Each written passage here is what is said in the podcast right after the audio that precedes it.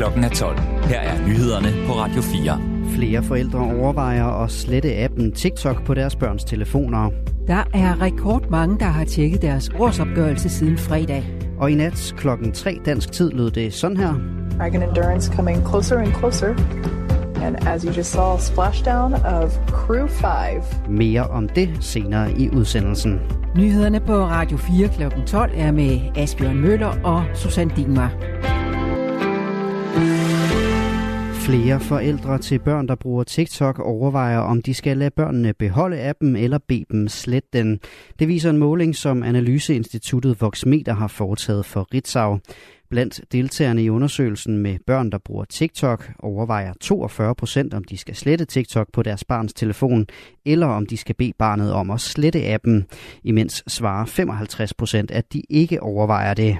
Center for Cybersikkerhed fra Rådet i februar ansatte i staten at have TikTok installeret på arbejdstelefoner og tablets, men der er endnu ikke kommet nogen anbefaling til helt almindelige borgere. Spørger man André Ken Jacobsen, der er adjunkt og som blandt andet forsker i hybrid krigsførelse, viser målingen, at der er kommet større opmærksomhed omkring TikTok. Det virker til at være et højt tal, og jeg synes, det vidner om en øh, samtale, som nu er kommet i gang ude i øh, hjemmet med forældre og børn TikTok er et socialt medie, som især bruges af børn og unge til at dele og se korte videofrekvenser. Appen er udviklet og ejet af det kinesiske selskab ByteDance. Selskabet mistænkes for omfattende indsamling af brugernes data og for at videregive data til styret i Kina. Og netop af den grund er André Ken Jacobson glad for, at vi nu har debatten om TikTok. Jeg synes helt grundlæggende, så er der jo en problemstilling ved, øh, at TikTok stammer fra Kina, og øh, som Center for Cybersikkerhed siger, jamen så er virksomhederne, som driver TikTok, de er øh, underlagt kinesisk sikkerhedslovgivning. Og dermed så kan man ikke garantere, hvor data ender henne, og hvordan de eventuelt bliver brugt. 20 procent af de 1000 adspurgte i undersøgelsen har svaret, at de har et eller flere børn, som har TikTok. Mange krydser i disse dage fingre i håb om at blive mødt af grønne tal, når årsopgørelsen bliver tjekket. Faktisk er interessen større, end den plejer at være. 1,9 millioner gange er årsopgørelsen blevet tjekket siden fredag. Det oplyser Skattestyrelsen på Twitter. Det er mere end 200.000 flere end samme tidspunkt sidste år, det oplyser DR. Det vidner helt klart om, at danskerne har taget årsopgørelsen til sig, og at de har stor interesse for den.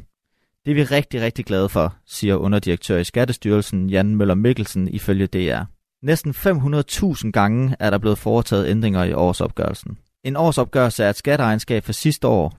Her kan man se, hvor mange penge man skal have tilbage i skat, eller betale, hvis man har betalt for lidt i skat og det fortalte Andreas Stentøj. Siden fredag har det været muligt at se sin årsopgørelse. Det er et smugkig, inden den officielt bliver tilgængelig i morgen. Hvis man er en af de heldige, som får penge tilbage, så får man i de fleste tilfælde pengene midt i april. Statsminister Mette Frederiksen er i dag taget til Ægypten. Det oplyser statsministeriet i en pressemeddelelse. Formålet med besøget er at styrke det dansk-ægyptiske samarbejde med særligt fokus på grøn omstilling og samarbejde om fælles globale udfordringer, da Ægypten er en vigtig samarbejdspartner for EU, når det kommer til migrationsområdet, lyder det i pressemeddelelsen. Vi kan ikke leve med, at irregulær migration foregår på kyniske menneskesmugleres præmisser. Alt for mange mennesker tager den farlige tur over Middelhavet, siger Mette Frederiksen i pressemeddelelsen. Flere end 100 personer er anholdt i Iran, angiveligt for at have været involveret i en lang række giftangreb mod skolepiger i landet, oplyser det iranske indrigsministerium. Tusindvis af skolepiger har siden november været udsat for formodet giftangreb. De besvimede har haft kvalme åndedrætsbesvær og andre symptomer. Angrebene menes at være foregået på over 200 skoler, og motivet skal blandt andet være at få lukket pigeskolerne. Blandt de anholdte er personer med fjendtlige motiver, og med et mål om at terrorisere folk og studerende for lukket skoler, skriver ministeriet og tilføjer, at antallet af angreb er faldet drastisk i denne uge. Irans øverste leder, Ayatollah Ali Khamenei, har kaldt de formodede giftangreb for en utilgivelig forbrydelse. De begyndte et par måneder efter de voldsomme demonstrationer i Iran, der blev udløst af en 22-årig kvindes død. Antallet af hospitalsbesøg for personer med kronisk sygdom er steget markant de seneste år. Den bekymrende udvikling får nu kommunernes landsforening KL til at opfordre til, at kronisk syge behandles anderledes. Det skriver Momentum, som er KL's nyhedsbrev. Artiklen er baseret på en analyse foretaget af KL's egen analyseafdeling, og den viser, at 98.000 flere kronisk syge havde hospitalsbesøg i 2021 sammenlignet med 2005. Det er en stigning på 34 procent. Kronisk syge er blandt andet folk med slidgigt, diabetes, lungesygdommen kol og astma. Christina Krysjak Hansen, som er borgmester i Holbæk Kommune og formand for KL's Sundheds- og Ældreudvalg, siger, at der er brug for en nytænkning af, hvordan sundhedsvæsenet behandler borgere med kronisk sygdom. Vi bruger ganske simpelt ikke samfundets ressourcer rigtigt, når så mange kommer på hospitalet. Forebyggelse burde være i langt større fokus, og vi burde være bedre til at hjælpe borgere til at leve et godt liv med deres sygdom, siger hun til Momentum. I alt 390.000 kronisk syge var på hospitalet i 2021. I dag vil omkring 10.000 indsamlere ringe på dørklokker over hele landet for at samle penge ind til Folkekirkens Nødhjælps landsindsamling. Men selvom pengene kan være små på grund af stigende energipriser, dyrere madvarer og inflation, så bekymrer det ikke Begitte Kvist Sørensen, der er generalsekretær i Folkekirkens Nødhjælp. Det siger hun til DR. Vi oplever, at danskerne gerne vil give til vores arbejde ude i verden. Der har faktisk ikke været fald i vores øh, indsamlinger.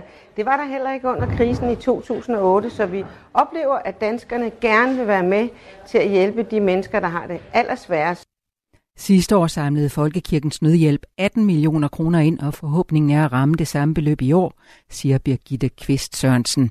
Jeg håber selvfølgelig, at vi kan nå vores mål, og selvom der er en stram økonomi i Danmark, men lad os nu se. Det vigtigste er danskernes engagement, og så skal man give det, man har, og det, man synes, og det er vi utrolig taknemmelige for, siger hun.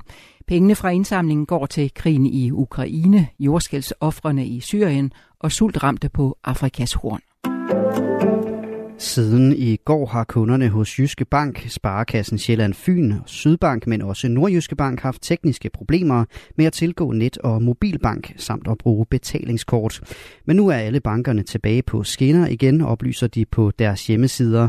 Ifølge Sparekassen Sjælland Fyn var der tale om en teknisk fejl. Problemerne er nu løst, og du kan derfor igen bruge dine løsninger, skriver banken på sin hjemmeside. Ingen af bankerne oplyser dog, hvad de tekniske fejl bestod af. I nat vendte en firemand stor besætning tilbage til jorden efter et fem måneder langt ophold på den internationale rumstation ISS. Ombord i kapslen var fire astronauter fra Japan, Rusland og USA. Rumkapslen landede i den meksikanske golf ud for Floridas kyst, ud fra Floridas vestkyst. Copy Dragon, we concur with splashdown and mains released. Dragon Endurance on behalf of SpaceX, welcome home. Lød det i en video, som NASA har lagt på Twitter. Besætningen med navnet Crew 5 blev sendt op fra Cape Canaveral i Florida i begyndelsen af oktober sidste år. Missionen er den første med en russer ombord på et amerikansk fartøj i 20 år. Det er et tegn på, at der stadig er rumsamarbejde mellem USA og Rusland, selvom spændinger mellem de to lande er vokset efter invasionen i Ukraine, skriver nyhedsbyrået Reuters. Russeren Anna Kikina sluttede sig til SpaceX-flyvningen som en del af en aftale, der blev underskrevet i juli sidste år mellem NASA og den russiske rumfartsadministration Roskosmos. Den tillader astronauter og kosmonauter fra de to lande at fortsætte med at flyve ombord på hinandens rumfartøjer til og fra den internationale rumstation. Thank you, SpaceX. I was on one heck of a ride. We're happy to be home. Looking forward to next time. Hvis du har et tocifret millionbeløb, der bare brænder i lommen, så får du nu en unik mulighed.